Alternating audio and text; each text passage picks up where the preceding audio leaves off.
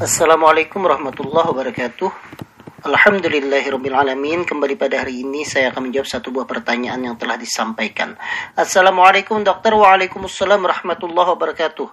Saya perempuan usia 35 tahun. Saya suka sekali makan daging Terutama steak, sate, tongseng Dan makanan apa pun yang berasal dari daging.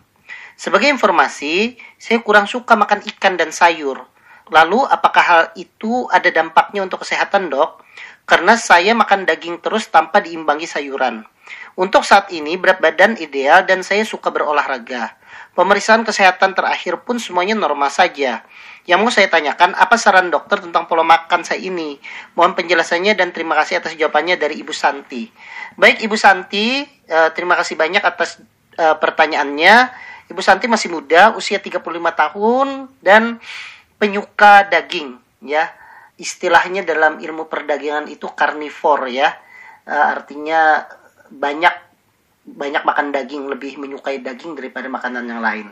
Jadi sebelum saya menjawab prinsipnya begini bahwa manusia itu adalah makhluk hidup yang omnivora.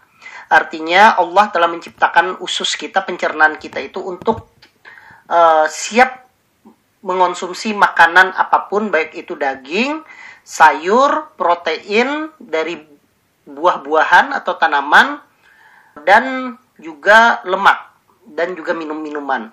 Artinya sebenarnya prinsip dari itu maka sebenarnya manusia itu diciptakan untuk tidak makan tertentu saja. Jadi dia bisa makan semuanya.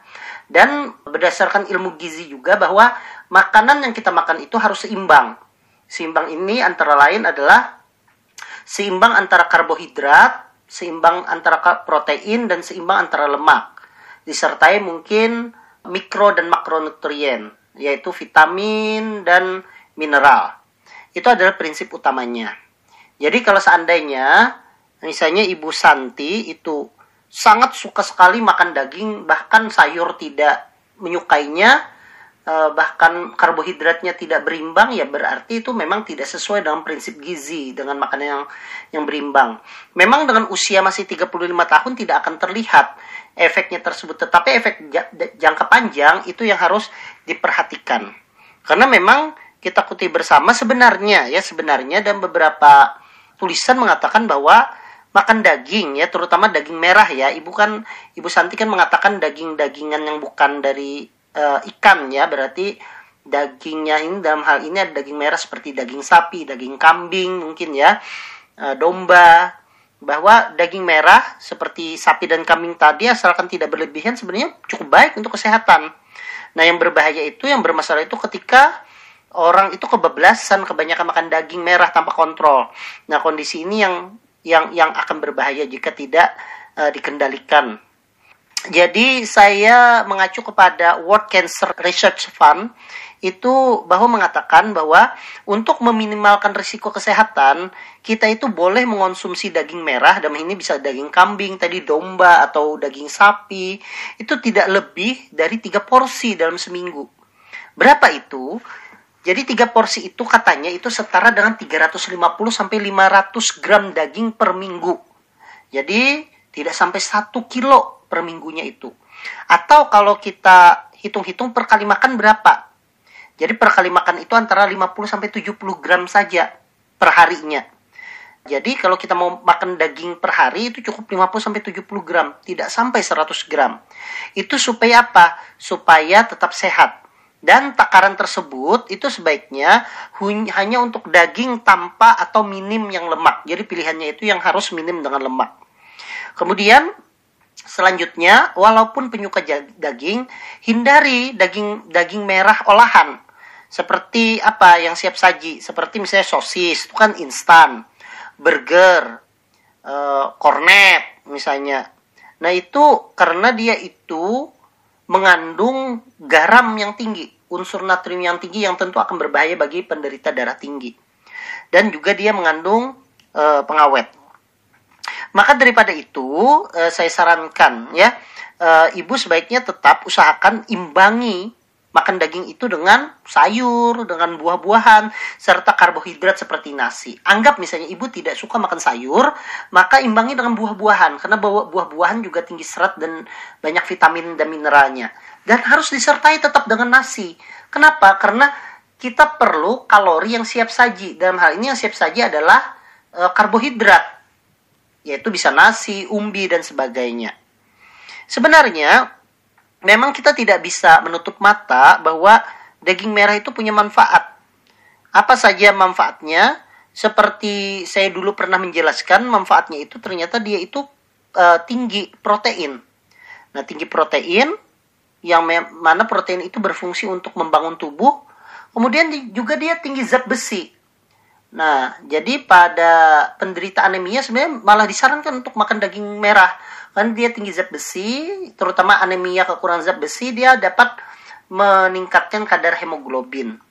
Kemudian kadar vitamin B12-nya juga tinggi. Namun yang jadi masalah adalah di daging itu juga uh, terdapat kadar kolesterol yang tinggi. Sehingga selain kita mendapatkan gizi seperti protein, zat besi, vitamin B12, tetapi juga karena kandungan lemaknya, terutama lemak jenuhnya yang tinggi, maka dia itu juga akan menyebabkan peningkatan kadar kolesterol di dalam darah. Dan ini tentunya tidak baik. Jadi kalau seandainya pertanyaan Ibu Santi, apa dampak kesehatan selanjutnya? Maka dampaknya itu akan menyebabkan yang pertama kolesterol menjadi tinggi. Kemudian yang kedua akan meningkatkan tekanan darah, terutama kalau kalau kita makan daging yang siap saji karena dia tinggi kadar natriumnya. Kemudian akan memicu peradangan pada pembuluh darah ya yang bisa menyebabkan nantinya sumbatan. Kemudian dia juga menyebabkan risiko pengerasan pembuluh darah atau kita menyebutnya dengan aterosklerosis. Hal ini bisa menyebabkan apa? Bisa menyebabkan serangan jantung, bisa menyebabkan stroke. Dan ada beberapa penelitian ternyata dia juga meningkatkan risiko kanker atau kanker. Dan yang terakhir tentunya juga ada risiko Alzheimer. Alzheimer itu pelupa ya, daya ingatnya menjadi turun dan bisa juga meningkatkan kanker. Misalnya kanker usus, itu bisa terjadi pada penyuka daging yang sangat banyak, kanker payudara, mohon maaf pada wanita, kanker pankreas, prostat, dan kanker lambung. Maka dari, da, daripada itu perlu diingat risiko kebanyakan makan daging merah itu juga akan semakin menyebabkan peningkatan dari risiko yang sebut saya sebutkan lagi. Apalagi misalnya dimasaknya itu dengan cara dibakar seperti sate atau digoreng misalnya atau stick juga dibakar. Nah, itu juga harus hati-hati.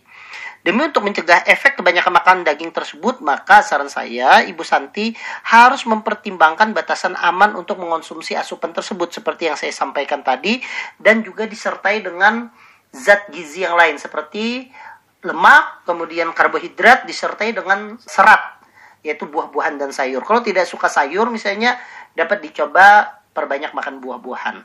Itu saja mungkin Ibu Santi yang bisa saya jelaskan. Jadi memang prinsipnya kalau berlebihan juga tidak baik. Kendalikan rasa suka kita dengan kesadaran bahwa kesehatan itu jauh lebih penting sehingga kita bisa mengimbangi dengan makan makanan yang lain. Mudah-mudahan kita semua diberikan kesehatan oleh Allah Subhanahu wa taala. Saya tutup. Wassalamualaikum warahmatullahi wabarakatuh.